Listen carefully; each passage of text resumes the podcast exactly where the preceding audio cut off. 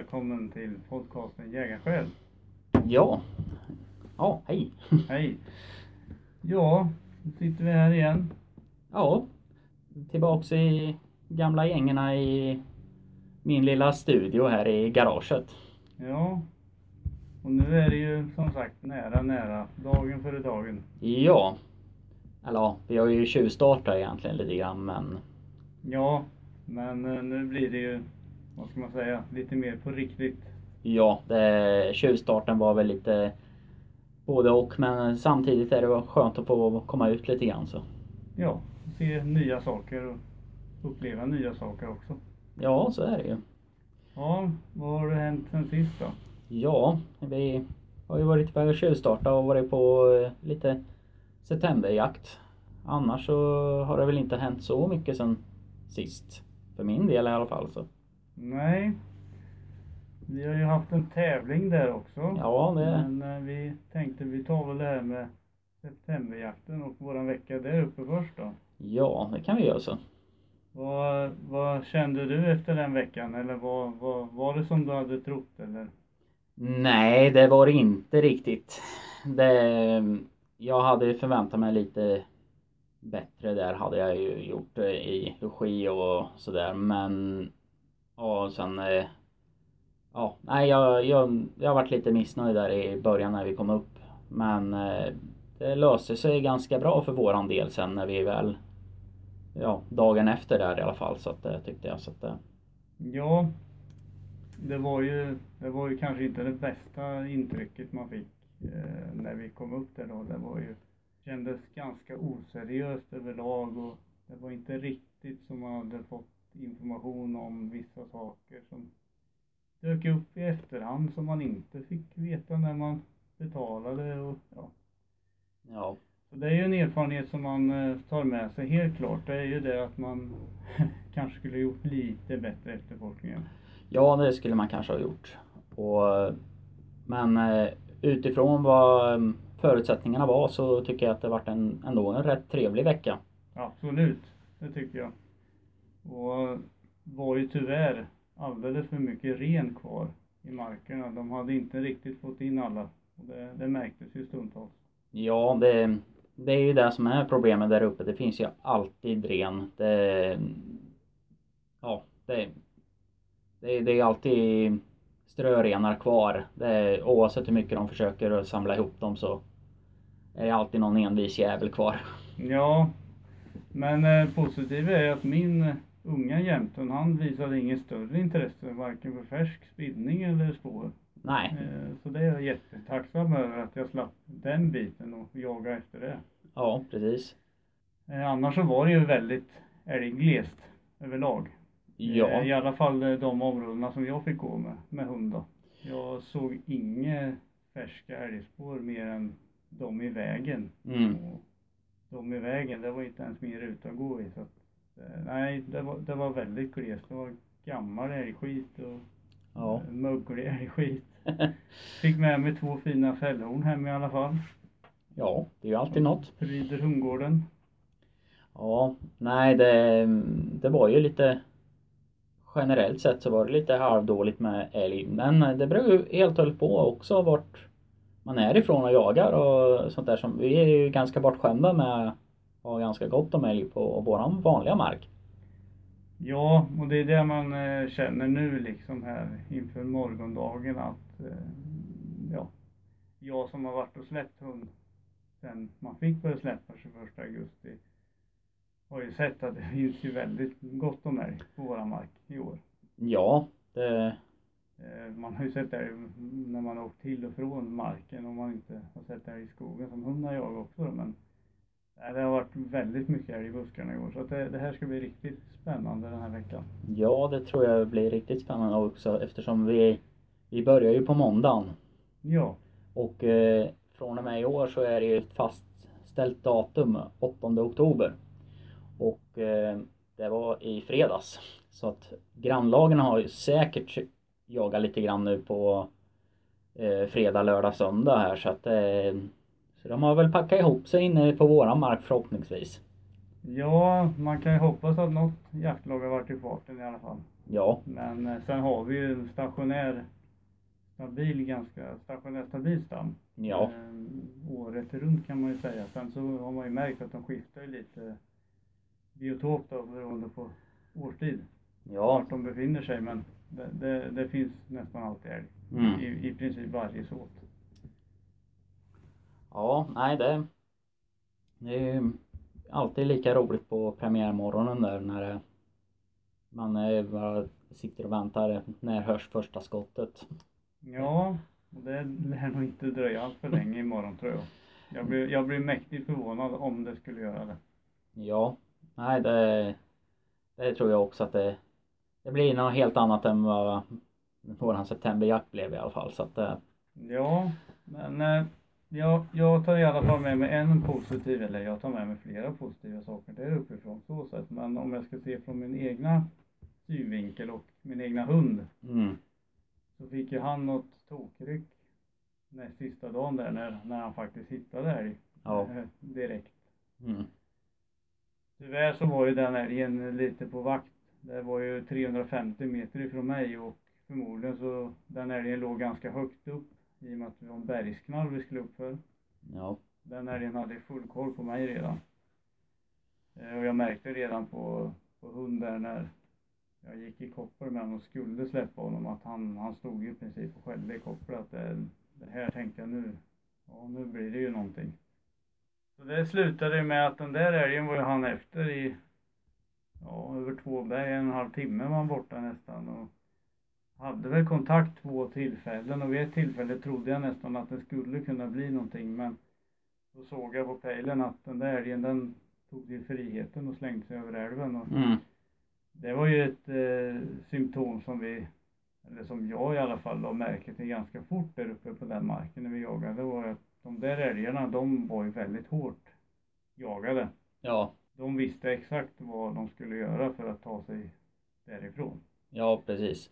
Nej men det reagerar jag också på. Det, de hade ju samma rutter mer eller mindre ut ur marken och allting gick åt samma håll direkt. Ja, Så att de visste ju exakt vad de skulle göra så att eh, eh, hade vi varit där i två veckor så då kanske det hade ramlat en och annan till då. ja det vart ju en pinntjur där då. Ja. Måste säga att det, jag hade förväntat mig att, den hade, att älgarna hade varit lite större då. För den där pinntjuren var nog en av de mindre jag sett. Det Ja, var ju inget avelsarbete att snacka om det. nej det var det inte på den där. Det, Det var en god gärning. ja, Ja, och annars då? ja då. Det, Du har en bössa ute till försäljning. ja det har jag ju så att eh, jag har min eh, ja, gamla och gamla men eh, ja den börjar väl få ett par år på nacken nu. Sex och en halva som jag har bestämt mig för att göra mig av med och eh, jag har, hade en eh, tjej här och kollade på den i fredags så att eh, vi får väl se vad det blir. Om, Ja. det, om det blir någon affär. Hon skulle iväg och prata med sin kära far och sådär och hon hade med sig sin kille där och de tittar på bussarna och ja, vi får se vad det blir. Ja. Nej, vi får hoppas att det går vägen. Jag har ju också haft en bössa till försäljning en, en, ett tag då, men den, den är ju såld nu så nu inväntar jag ju att de ska få licensen då så de kan komma och hämta bössan för den, den står ju bara i skåpet nu. Ja, Det är ju 308 som jag gör mig av med. Och anledningen till det är väl egentligen att jag hade tänkt att jag skulle köpa mig en ny 857 eh, som, ja just för min jakt och den typen av jakt som jag bedriver så känner jag inte i dagsläget att jag har något större behov av 308 då. Utan eh, jagar jag toppfågel, det är ju sällan jag gör det utan då har jag ju med mig någon gäst som gör det. mm. Eh, För jag känner väl inte att jag har samma sug direkt för att trycka av där utan jag tycker det är roligt att, att vara med och, och se liksom. Det, jag tycker det är roligare att någon annan som kanske inte har toppfågel eller skogsfågel då som det heter på, på sina marker får chansen. Då tycker jag det är roligare om jag guidar lite. ja men så är det ju. Och eh, Och en älghund tar ju väldigt mycket tid. ja, så är det ju. Och eh, den där eh, 857 som du har idag, det är den jag har tänkt att byta till egentligen då, så att eh, så jag har en eh, backup-bössa eller vad man ska säga. Ja, och den har du ju testskjutit också så det, det funkar ju. Ja, nej, det, den var riktigt trevlig att skjuta med. Riktigt trevlig kaliber tyckte jag. Ja. Det är ju som sagt, det är, det är bra, bra storviktskaliber för Sverige. Ja. Nej men eh, jag, jag tror den kommer fungera klockrent för, även för mig som eh, passkytt då. Så Ja, att, eh, herregud. Så jag, jag har ju tänkt att ha den som, ja, växla lite grann av och till mellan och så får jag väl se om jag gör att eh, 308 får bli lite mer långhållsbössa bössa och sen kör jag lite mer eh, ja, passbössa på 857 sen. Men jag, jag ska, jag får se lite grann hur jag gör med det där. Men att det.. Ja, nu är jag ju lite inne i det där att jag sitter och kikar lite grann vad man ska köpa för någon bössa då i kaliber 857 och det, det finns väl några fabrikat där som jag varit inne och kikat på. Men eh, jag känner man behöver ju åka iväg och klämma och känna lite själv också. Men är det någon utav er lyssnare som, som har en 857 eh, i, ja, säg en Tikka T3X eller en Sauer 100, 101, AK85 så, ja, något sånt så får ni gärna höra av er och säga vad ni tycker, positiva och negativa saker. För det, det kan vara roligt att få lite mer kött på benen. Ja, nej, men det är ju alltid bra att få reda på lite sånt där att eh, ja, även negativt om men tycker någonting är negativt så är det ju bara att lyfta fram det egentligen och fastän det är kanske övervägande positivt så ja, det är bara fram med allting. Det, Ja, och sen just eh, 857 där jag ska ju, jag vill ju ha en kortare pipa på den också Mm. sen så att jag, jag kommer ju även att, är den inte fabriksringad så kommer jag att lösa den biten också då för jag, jag kommer ju även att köra ljuddämpare på den. ja, det, det, den gör ju verkligen mycket ljuddämparen på, Ja. på den bössan eh, som du har idag i alla fall så att eh, Jo men det gör den, absolut. Ja, vad har vi för förhoppningar då inför imorgon? Ja, jag hoppas ju verkligen på att få se den där eh, stortjuren. Men Mm. eh, vi får ju se. Det, det, det området vi brukar börja med, det brukar inte direkt falla några större tjurar vad jag vet sådär. Men eh, Jag har inte varit där så mycket själv nu här under perioden man får Mm. träna på älg för att det, det är lite lurt där nere i kanten i och med att de har haft vargrevir här för ett par år sedan och ja, det, där har ju jag sett varg också. ja, Där, där vill jag inte vara själv och springa känner jag. nej det, det är onödigt att ta onödiga risker. Sen är det ju riktigt dålig täckning på mobilen där för pejl och sådana Mm, saker. mm. Och Garminen den, visst Garminen är klockren på, på vissa avstånd så den är ju bättre, eh, jag ska säga Garminen är väl bättre än Tracker och Ultracom på närpejling alltså när du kanske smyger på ett ståndskall eller något liknande där du behöver ha lite exakta meter. Där slår ju Garminen de här telefonpejlarna. Ja, Men så fort det blir lite bergsknölar och grejer då, ja då tappar den fort. ja. Och det är därför jag kör dubbla system igen. Ja, det är ju alltid bra att ha ett eh, backup-system. Ja, Ja, nej så jag, jag, jag har ju verkligen förhoppningar om att få möjligheten på någon tjur i år. ja, Men, för jag har ju inga, inga troféer eller någonting sånt där än så länge så att, eh, Men eh, ja, vi får väl se. Jag får hoppas på det bästa. ja. Eh, Ja, Nu, nu vet ju jag att det finns ju mer än en stor tjuv på våran mark. jo, Det, det brukar ju alltid falla ett par stycken och det, det är helt otroligt egentligen att, att vi har den typen av tjurar och stam ja, där vi jagar i Sverige. jo precis. Men eh, där tror jag att vi själva har dels våran jaktledare till stor del mycket att tacka och sen att vi själva också tänker till. Mm, Eh, Så att man inte skjuter varenda stamko som finns. För där har man ju sett förödande konsekvenser på andra håll. Där man har liksom, ja, man känner ju folk som jagar på andra ställen och där har inte de riktigt tänkt så. Utan då har det ju varit viktigare med köttvargar.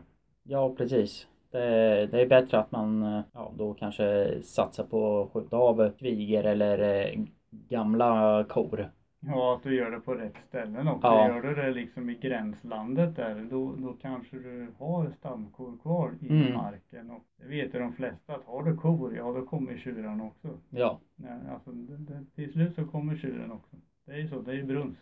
Mm. De, kan ju vandra en bit i alla fall. Jo, så är det ju. Ko och kalv är ju ganska stationära på det viset.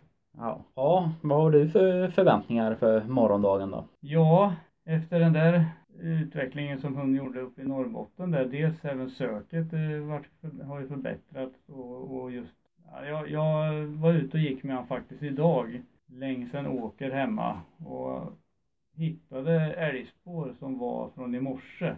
Mm. Det här var väl vid lunchtid ungefär som vi var ute och gick. Ja.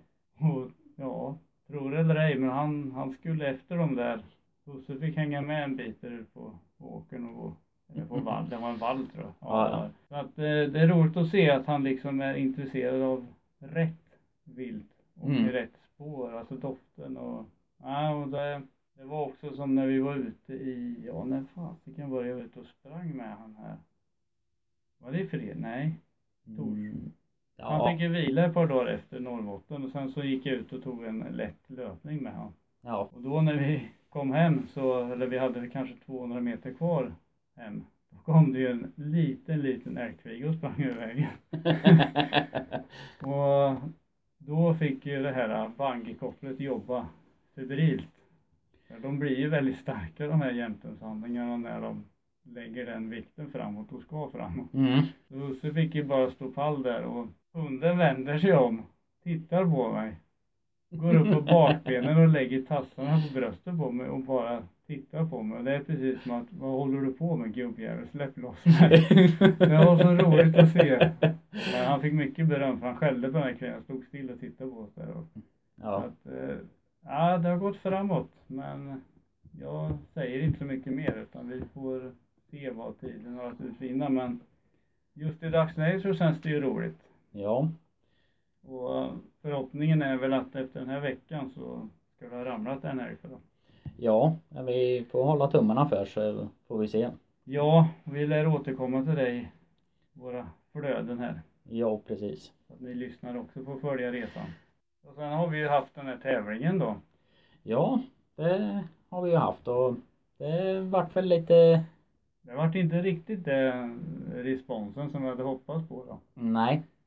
Sen vet jag inte om det är vi som har varit dåliga på att göra reklam för den tävlingen eller hur det ligger till då. Men vi har i alla fall hittat eh, en vinnare och hon är ju även kontaktad så att vi kommer att posta en eh, sån jägarsjälvmugg här efter vi har spelat in det här avsnittet. Ja, precis. Så lär hon få den här om ett par dagar. Ja, i början av mitten av nästa vecka någon gång så. Ja, beroende på postgång och liknande. Precis. Så det, vi får väl se hur, hur vi ska göra här framöver då, om vi ska ha några mer tävlingar sen eller hur vi ska göra. Ja, ja men ja, vi får se. Det, det får ju, vad heter det, framtiden utvisa. Ja, Men eh, då hoppas vi på lite bättre res- respons från eh, våra kära lyssnare här att de är villiga att vara med. jo, det, det blir ju inte så mycket till tävling annars som sagt. Nej, precis. Ja, jag tänkte att nu är det ju ett tag sedan vi delade med oss av något minne. Mm, ja, Det är ett par avsnitt sedan. eller i alla fall eh, du delar med dig av ett minne. För Ja. förra gången var det jag som delade Ja. med mig av, av ett minne. Lite lätt eh, sådär i alla fall så. Jag har ju aldrig delat med mig av minnet då jag sköt min, ja ska man säga, drömälg. Får man ändå säga att det är. Jag har inte skjutit något större sedan dess. Och Frågan är om man någonsin gör det, men det får tiden utvisa. Jo, precis. Året var 2014, oktober, sista älgjaktsdagen. Mm. Det var förmiddagsdrevet. Jag var lottad på ett sånt där äh, pass som, ja, man kommer dit och man känner, jag var ju ganska ung då, är ju ett par år sedan. Och man fick känslan när man kom dit att jaha, nu är det sånt här jävla skitpass igen. Så att eh, jag minns att, ja, jag hade inte laddat bössan heller det första jag gjorde utan den ställde jag mot ett trä. Så var det ju lite sol då så att jag satte mig på säcken där och njöt av solen. Sen släppte de hundarna och jag vet att bakom ryggen så hade jag ju en sjö och sen lite till höger där så var det som ett sund. Där två sjöar möttes. Och jag tänkte precis som när jag tog upp ett annat minne här i podden att eh, det här är, blir intressant då. Mm. Om det ska bli simning eller ja, hur de har tänkt. Så jag eh, satt väl där och tänkte att ja, det här var ju en rolig avslutning på jakten. Jag hade knappt sett en älg på hela veckan och inte ens varit nära kändes det som. Och så blir det upptag. Eh, kanske någon kilometer upp i skogen. Jag hör knappt hunden då. Det var en gråenstik som min far hade. Och, eh, det är flera älgar får jag veta på radion. Eh, han har sett spår efter ko och kalv. Jag tänker att ja, nu, nu är det nog läge att lägga i ett par bulor i bössan. Det var på den tiden jag hade min gamla Husqvarna 962 eh, sköt med 18 grams Saco Hamred på den tiden. Ingen ljuddämpare. Eh, det lär ju kicka till rejält med en sån bössa. Jo, men det, man lärde sig att skjuta med det med. Men som sagt, det var ju det med rekylen och det som gjorde att man bytte vapen. Ja. Men eh, strunt samma. Då laddade jag bössan och eh, hörde att ja, jag hörde på radion då att hunden drog iväg lite längre västerut och ner mot passgrannen där. Och det var med ko och kalv då. Mm. Så jag tänkte, eller jaha, det där gick ju inget vidare för min del. Får hoppas att han får skjuta då. Ja. Och tiden gick och nej, det kom ingen smäll. Funderade på, nej, vart tog de där älgarna vägen då? Sen så helt plötsligt så får jag se liksom inne i den här täta skogen jag hade framför mig. Då fick jag se ett par älgben. Mm. Och jag, fick, jag såg att det var ett ensamt vuxet djur. Ja. Men jag hörde inte djuret. Det, jag såg bara att den rörde sig och sen kom det ett knäpp. Mm. Och älgen stod still. Jag såg bara de vita benen som stack ut och jag såg inget annat. Nej. Jaha. Men det skulle ju vara ko och kalv tänkte jag liksom. Så att gråstiken hade väl hamnat på efterkälken där då. var ju min första tanke att snart så kommer hon väl ikapp då. Men eh, ut på vägen där. Det var en väg som gick ut till en udde, en vändskiva kan man säga. Mm. Jag satt i änden på det. Så att ut på grusvägen så kliver nog den största älgtjur jag har sett hittills. Ja. I, I liv i alla fall. Och du vet, från att ha varit harmonisk, sitta i solen och ja, halvbitter sådär över veckan så gick ju pulsen upp i 180-190 på millisekunder alltså. Det var ett sånt påslag så att det är svårt att beskriva. Sen då han går sakta, sakta över vägen och jag bara höjer bössan och glider in i bogen och trycker av. Mm. Och ingen reaktion. Oh. Ja, ingen reaktion. Jag tänker, vad fasiken. Flatbom.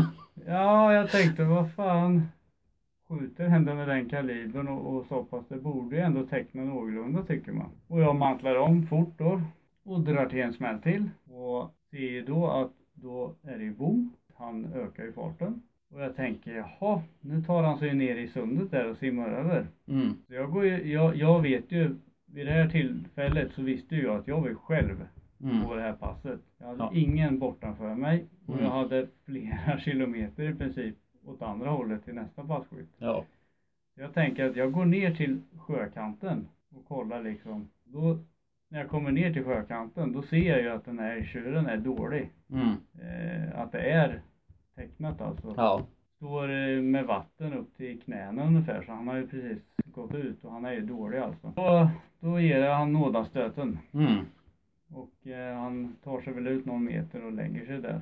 Och det, det slutade med att jag, jag visste ju inte vid, vid det här tillfället då att han var så stor som han var. Mm. Utan eh, reglerna som vi hade då var ju att ska vi skjuta en eh, tjur, trofégränsen var ju 12 och uppåt. Mm.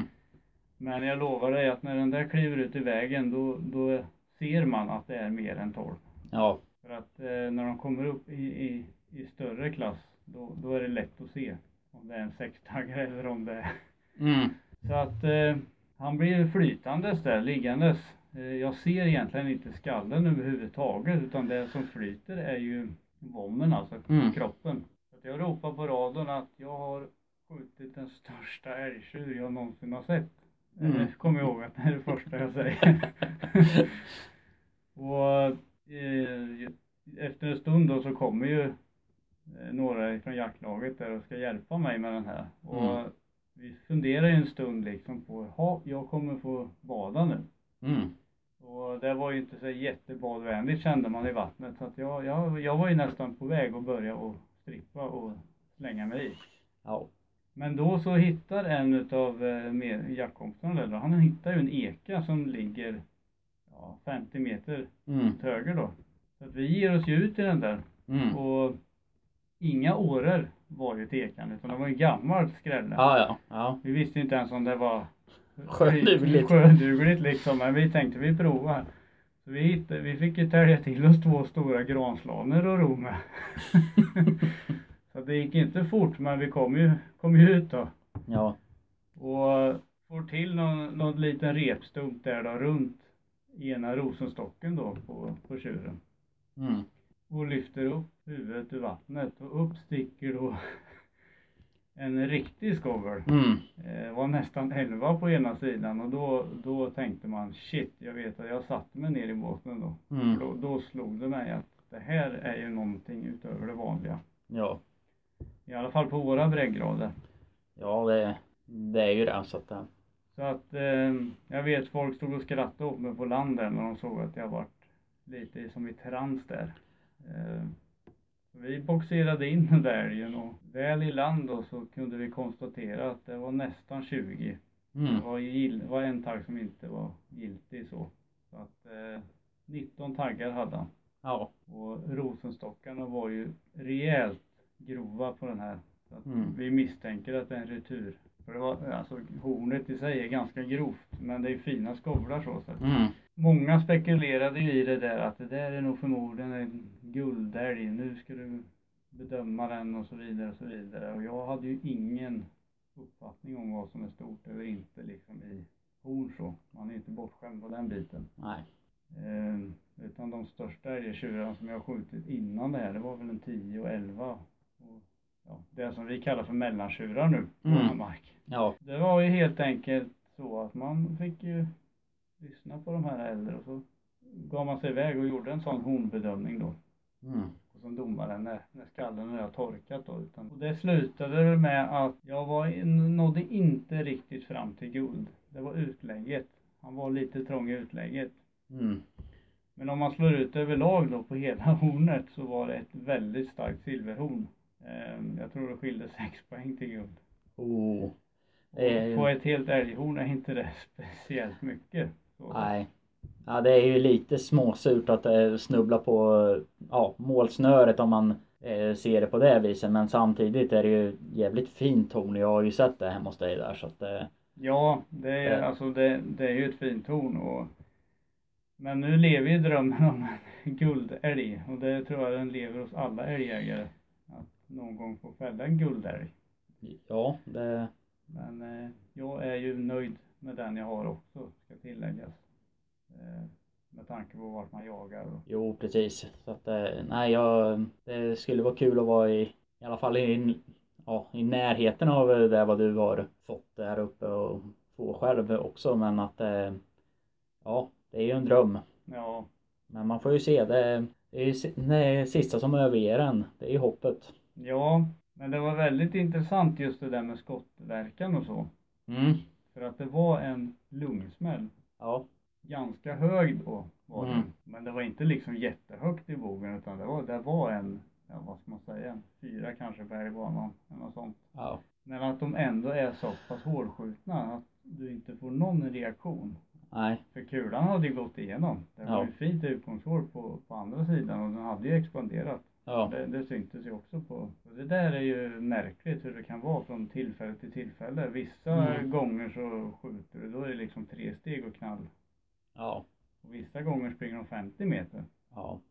Och vissa gånger så ja, märker de, de bara fortsätter att Ja. gå som ingenting. Det, jag tror nästan att det beror på chockverkan eller någonting sånt där. Att de får sen, eh, när de får, får kulan i sig, att de får en sån chock i kroppen att de fattar inte att de, de är träffade eller de hör inte smällen för att det, eller ja, någonting sånt där. Jag, jag tror det måste bero på någonting sånt.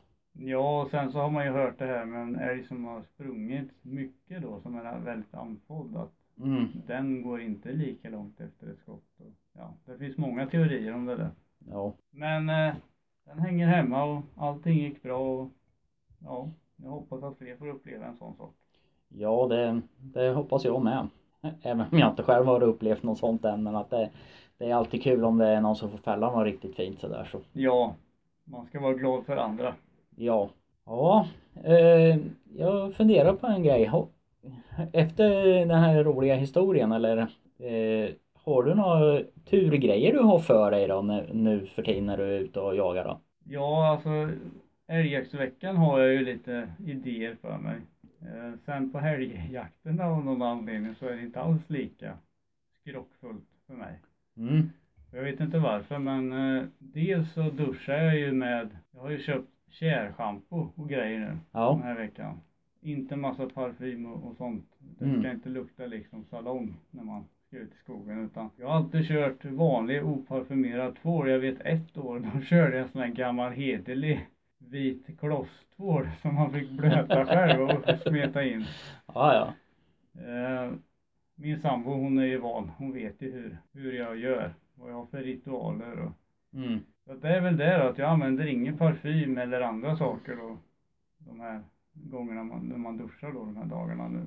Utan eh, sen har jag även ett par raggsockor som är stora hål i, som jag Mm. inte gör mig av med. Nej. De, de ska jag ha på mig. Det är också en sån där grej som jag alltid bär när jag jagar älg, älgjaktsveckan. Ja. Sen har man väl haft någon turkeps också vet jag. Eh, även fast vi säljer klubbkepsar nu så känner jag väl att jag kanske inte vågar ha den imorgon då på premiären utan kanske får bli den gamla slitna turkepsen. Ja, så är det ju. Det, Eh, Det- Man är väl lite såhär, man vågar inte testa de nya grejerna. nej, det, så är det ju. Det, eh, själv så kände jag lite grann inför förra säsongen eftersom jag har haft tur med min 6,5 så pass mycket så var det lite sådär, hmm, okej. nu ska jag stå med 3,08 här och Men det gick ju bra för, för sig där så att det, så jag känner väl att det, det är lite grann därför också jag känner att han kan få gå vidare till någon annan. Vad har du själv då? Har du några idéer? ja, faktiskt. Eh, en grej som jag brukar oftast fungera för mig det är att jag har ärtsoppa med mig. På någon konstig anledning så brukar det oftast bli att jag får åtminstone se någonting. Det, det har inte slagit fel många gånger inte. Du älskar ärtsoppa alltså, med andra ord. Ja, nej men jag har ingenting emot det. Det, det är helt okej. I fem dagar. Nej, inte riktigt så. Det, nej, så har jag inte vågat använda det än då men. Och sen har jag en annan grej som jag brukar hålla på och fibbla med. Det är byta plats på patronerna.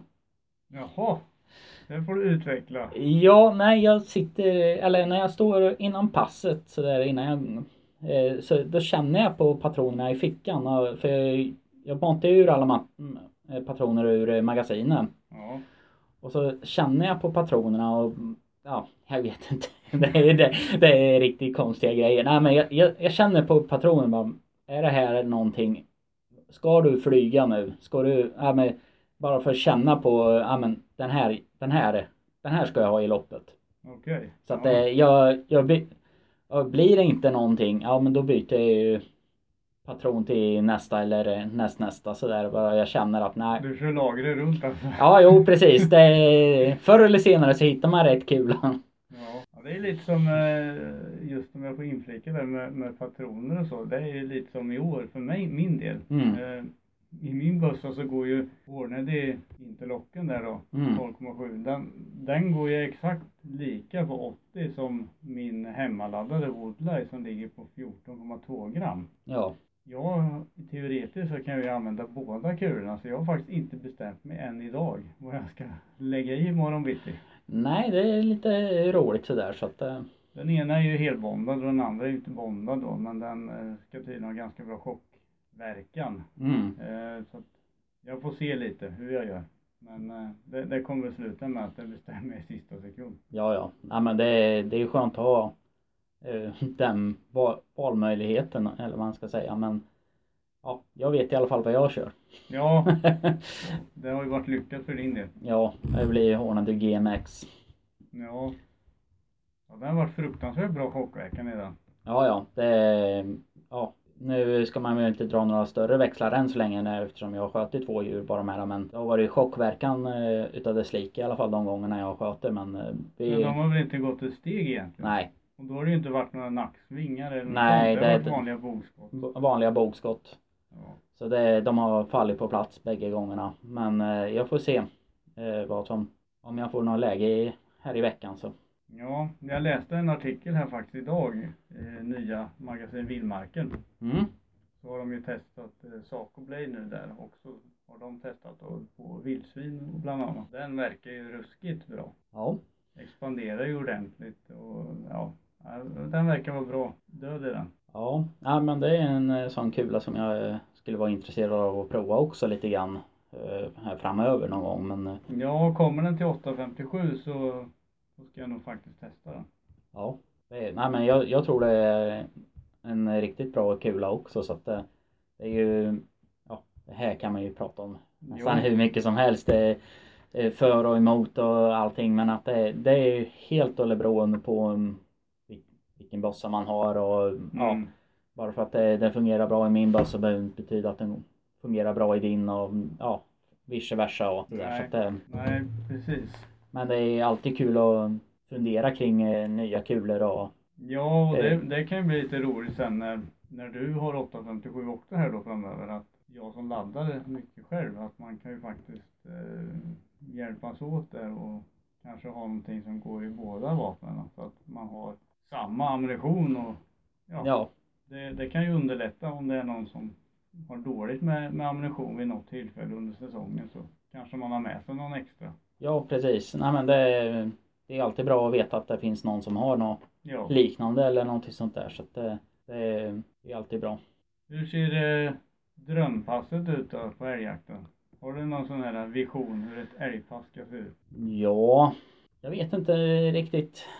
Jag, jag tycker om hyggen. Eh, att det får vara lite, eh, att det får vara ganska öppet sådär för min del. Att eh, jag, jag tycker om när det är öppna pass. Att, eh, visst, det behöver inte bli att det har ett stort månlandskap heller. Det- får gärna vara i början av något eh, sådär eller lite, lite olika ställen vart det finns eh, lite skog och sådär så att det, men det gör ingenting att det är lite öppet.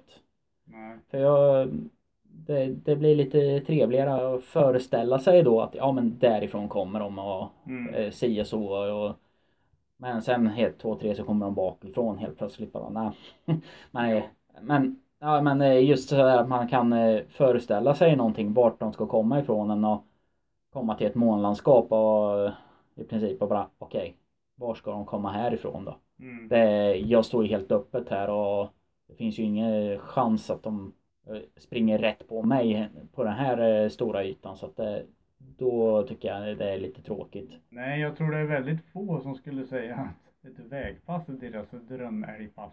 Ja, nej, jag, För där har du ju oftast, alltså är det tätt på båda sidor och, Mm. och det kommer en älg som är ganska stressad och jagad, då har du inte många sekunder på dig att Mm. faktiskt bestämma dig. Nej, så är det ju. Och det, sen är det ju beroende på också att det, det som jag kan se att det som där vart jag sköt kalven i fjol.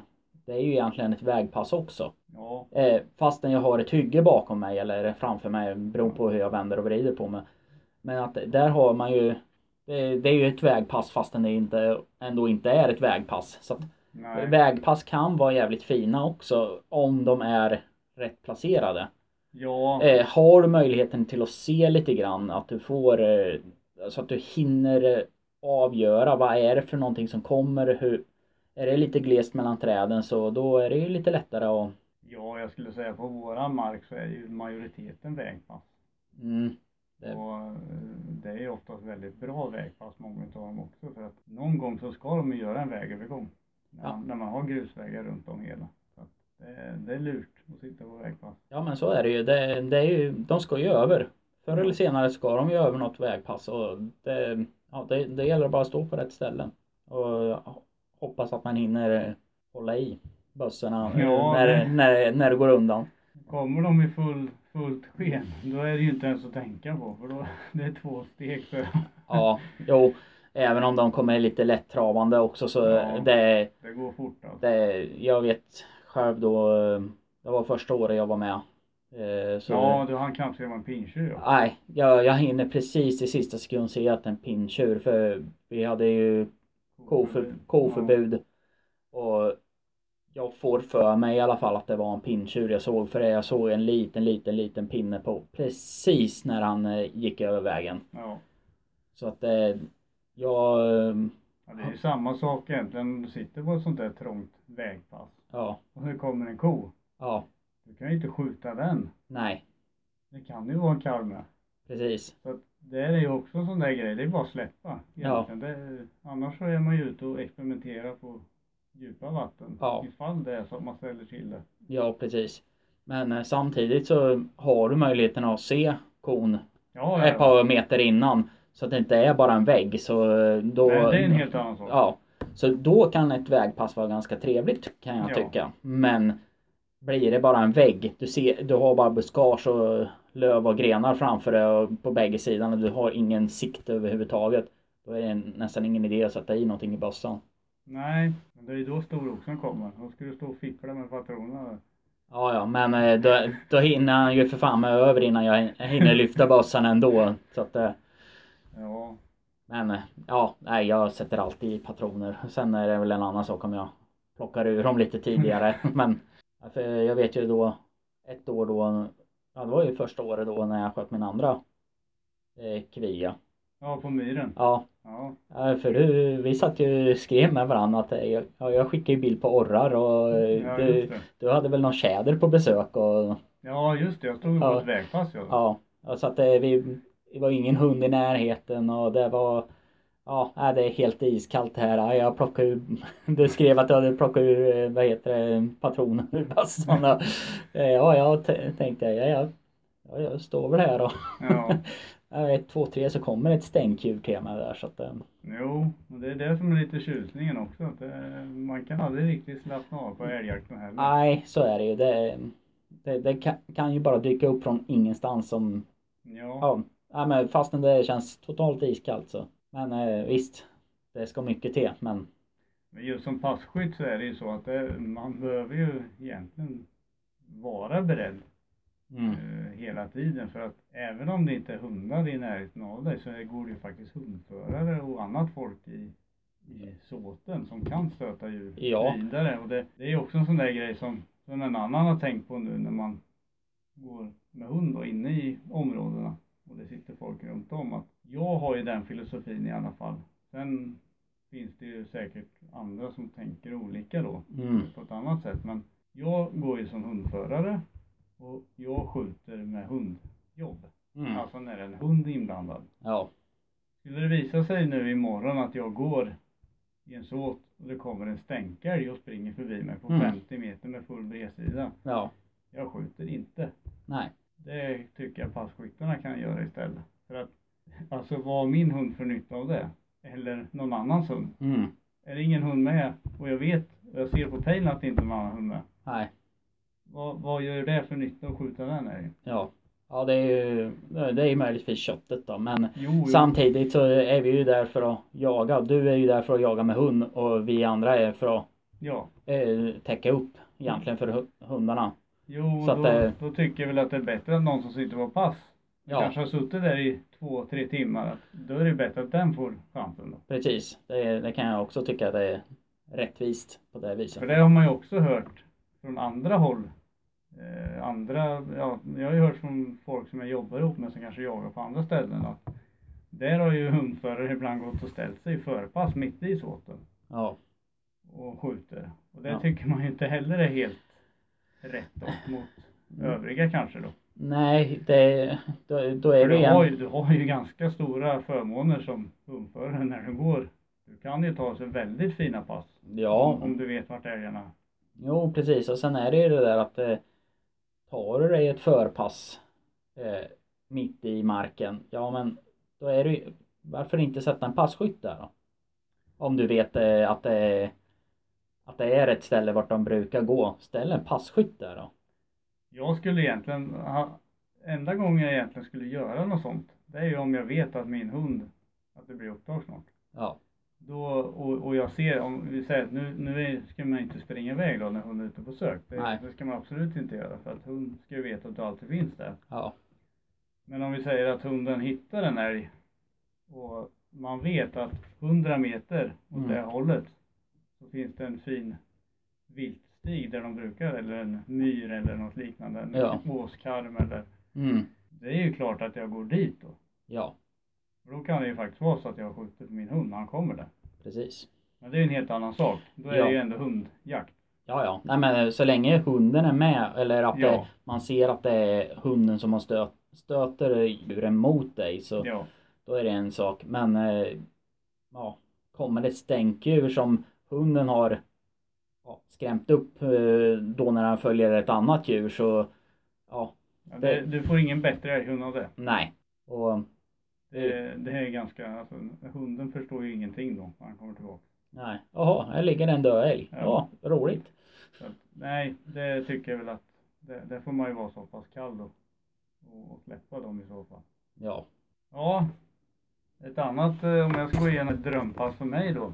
Det är ju, jag sitter ju gärna på någon liten myr ja, någon holme sådär. Ja. Man har lite, ett, säg ett litet stråk med lite växtlighet då där man känner att det här, för att ett hygge till exempel, har du en skogskant eller en ridå, det är ju oftast där älgen vill komma och gå. Det är sällan Mm. de springer rätt ut på hygget, då ska de ju vara väldigt eh, påjagade.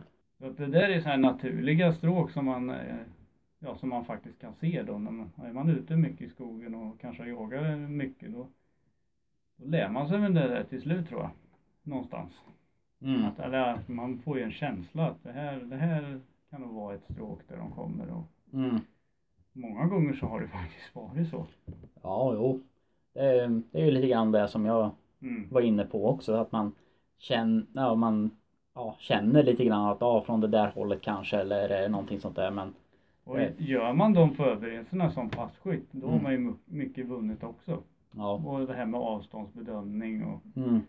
Eh, Speciellt som ny jägare så är ju det jättebra om man får den tiden att man kommer ut på sitt pass och man kan stå och fundera och Mm. kanske göra någon provanläggning att ja, bortanför det där trädet då blir det för mycket för mig. Eller att man har Ja. den självinsikten också. Mm.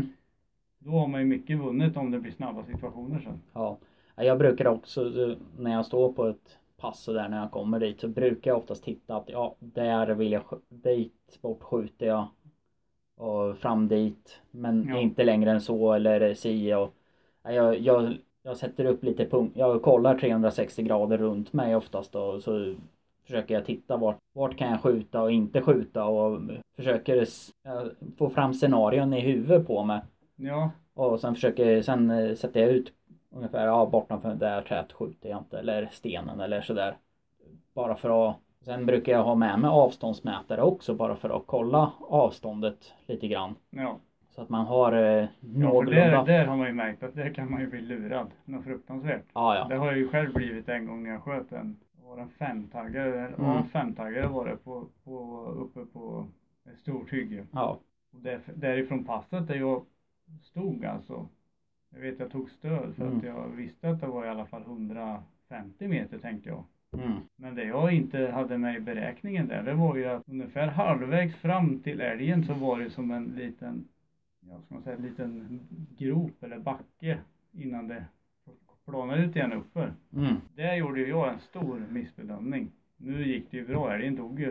Eh, skotten satte där de skulle. Jag sköt två skott och kom fram. Men det var ju först när man liksom kom fram till älgen då som man började ana att Mm. oj, oj, oj vad långt det var. Ja, jo. Så vi kommer fram till att det var ju 220 meter. ja. Men det gick, men det är ingenting som jag känner att jag vill prova igen. Mm. Nej, det, det var ju som nu under Norrbottens eh, Mm. jakten här i september så hade jag såg ju en älg på 250 meter och Ja, det är, jag, det är långt. det är riktigt långt och så är det lite ris och buskar i vägen och så var det på grannmarken också så att det, Ja, så det, det var bara att lyfta på hatten och låta den springa vidare. jo, nej, men man, man måste kunna sina begränsningar. Ja, så är det ju. Och det är, det är ingen annan man lurar än sig själv egentligen. Nej, och sen så är det ju den, eh, alltså ett icke avlossat skott, det behöver du aldrig ångra. Jag tycker det ligger mycket där.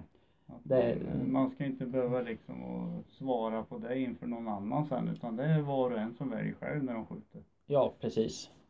Sen eh, visst, sen finns det lägen då man kan eh, ångra att man inte sköt också. Men Jo, det, men det, det men eh, samtidigt så känns det inte okej så ska man absolut inte skjuta. Nej, Sen kan man gå och älta det hur mycket man vill efteråt. Ja. Men det är ju för stunden det Ja. gäller. Ja, precis. Det är bättre att göra rätt än, att, än att det blir något knas med saker och ting.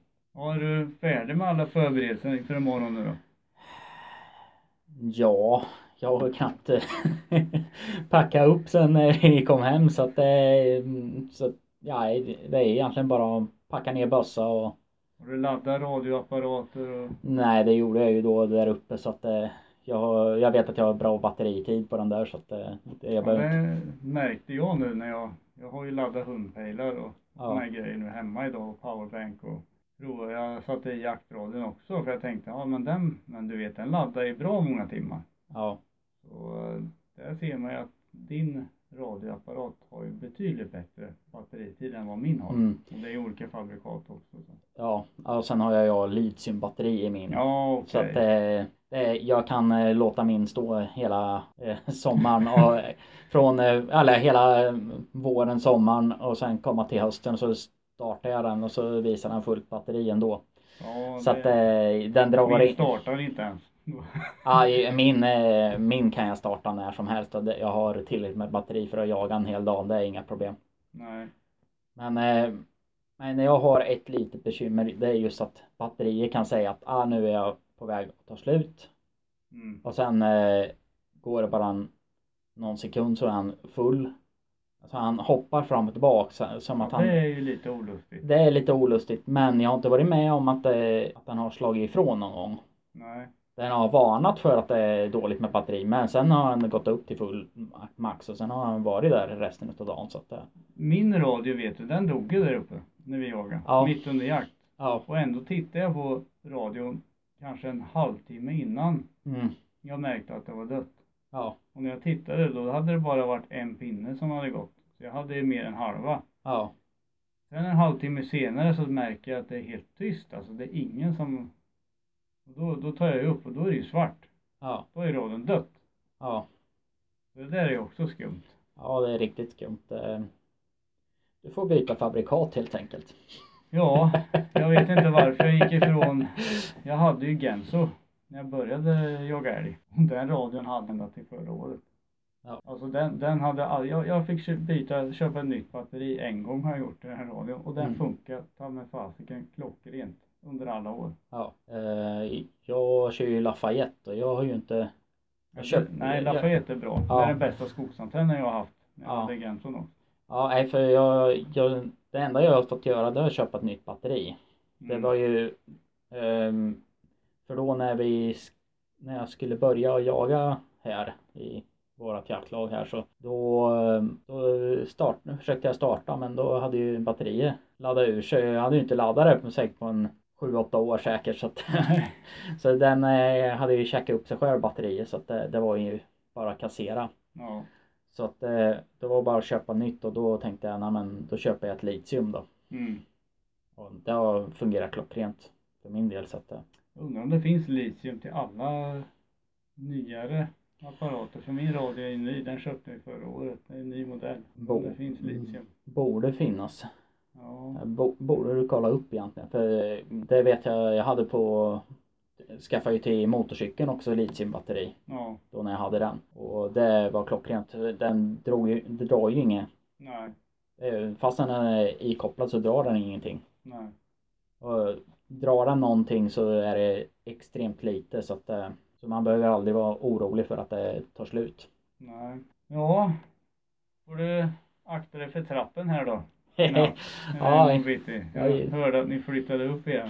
ja, vi har ju haft lite renoveringar där uppe och nu har vi precis flyttat upp igen här så eh, i Marabiti så får, jag hoppas att jag inte gör en favorit i repris så att eh, Räkna trappstegen. jag får göra det. det. Det är ju tråkigt om du skulle ringa mig tidigt imorgon bitti och säga att du inte blir med. Ja, jo. eh, Men eh, vi får se. Det, förhoppningsvis så har jag väl bättre koll på trappstegen ner. Så att, eh, jag får väl lämna lampan på där nere i, eh, ikväll när jag går upp och lägger mig så att eh, När du lägger dig och tittar i taket. typ ja. Ja, jag ska hem och bädda soffan ja. Det, det blir så. Det, jag, jag vet att det blir, man kommer ligga där och fundera och förhoppningar och det, ja, man har ju varit som sen man var grabb. Det går Mm. inte ur riktigt. Jag får vi se när man blir äldre sen då, men Ja. Ja, Jag har faktiskt haft eh, lite svårt att somna de senaste dagarna här också så att det, det har redan börjat på mig. Så. ja, jag märkte det igår. Mm. Jag hade jättesvårt att somna fast jag var trött. Ja. Nej, jag, jag har varit lite sådär eh, nervig här ett par dagar så att det, ja, nej det, nu, nu drar det igång. Ja, nu, nu jädrar. Nu ska det, skäller det så smäller det. Precis. Ja, Ja, vi får se när vi spelar in härnäst då. Nu när det drar igång. ja, vi får se när vi kan få tillfällen till det men eh, det borde ju kunna lösa sig på ett eller annat sätt så. Ja, och sen så får vi ju dela med oss här under veckan då på våra flöden om det skulle vara några succéer eller liknande så att ni lyssnare också får följa med. Ja, precis. Men eh, ska vi säga så, jag måste hem och packa jag. Ja, nej, jag ska väl Jag packa. har inte ens plockat fram kläder eller någonting än. Ja.